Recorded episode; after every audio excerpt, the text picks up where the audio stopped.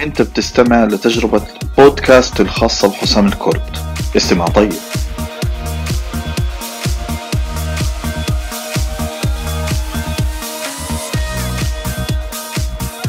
السلام عليكم ورحمة الله وبركاته. أهلا وسهلا فيكم مرة تانية أنت العمل ولا بتملك عمل؟ في فرق كبير بين الاثنين. يمكن في ناس كثير ما بتحس هذا الفرق بس هو فرق كتير كبير.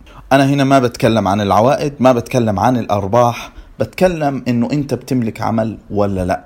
هذا البودكاست ممكن يغير كتير في طريقة تفكيرك. علشان هيك بنصحك تستمع فيه للآخر. أنا حسام الكرد وهذه خبرة عمل. بودكاست جديد. يلا معنا.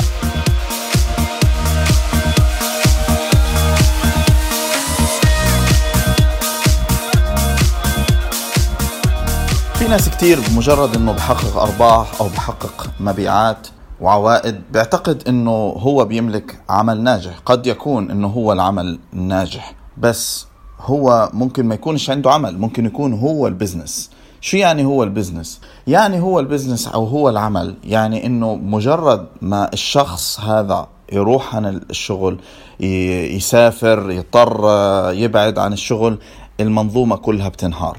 وبالتالي ما في شيء اسمه system ما في شيء اسمه system طب يعني آه، كيف أتأكد أو كيف أعرف إنه إنه أنا بملك system ولا لا؟ النقطة مجرد ما إنك أنت تسافر آه، فترة ممكن تغيب ثلاث شهور مثلا أو شهرين هل المنظومة كلها بتنهار؟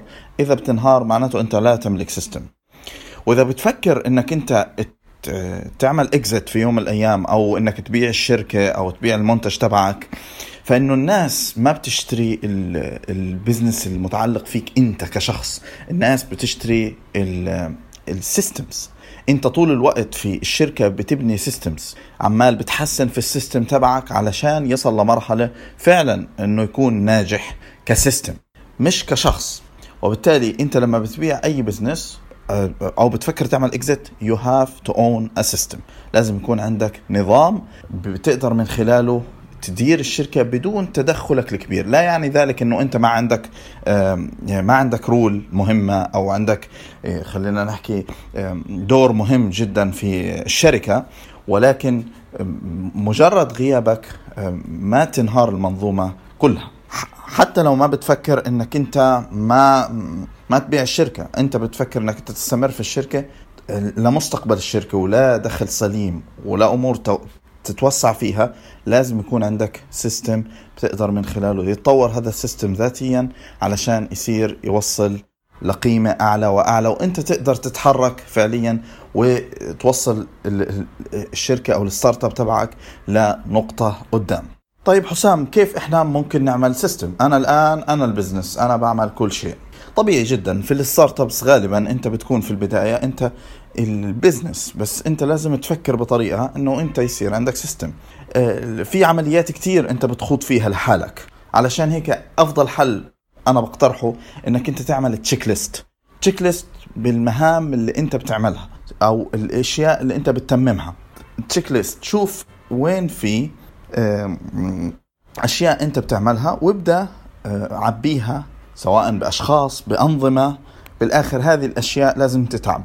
يعني أنا بعمل مثلا أنا بقوم بالتخليص المالي للشركة أنا اللي بوقع الرواتب أنا اللي أنا اللي بروح على البنك أنا اللي بتعاقد مع الموردين.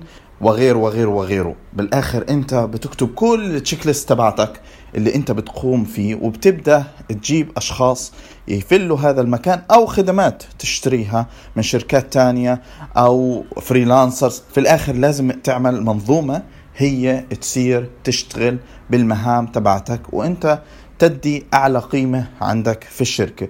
بحيث لو أنت اضطريت في لا قدر الله في وقت من الأوقات اضطريت تغيب من آه، بسبب عوارض أو إنه أنت اضطريت فعلا إنك أنت تغيب لأسباب أخرى المنظومة على الأقل مش ما بتتطورش لكنها بتعمل بضلها شغالة بشكل مستمر. فننتقل من طور ال business للشخص الواحد إلى منظومة ال business. لمشاريع مستمرة ودائمة بإذن الله تعالى. شكرا جزيلا لحسن استماعكم. share هذا البودكاست مع الأشخاص اللي بيملكوا business لحالهم أه، في الوقت الراهن. شيروا مع الناس اللي فعلا ممكن يأثر هذا البودكاست معاهم. وشكرا جزيلا لكم جميعا. والسلام عليكم ورحمة الله وبركاته.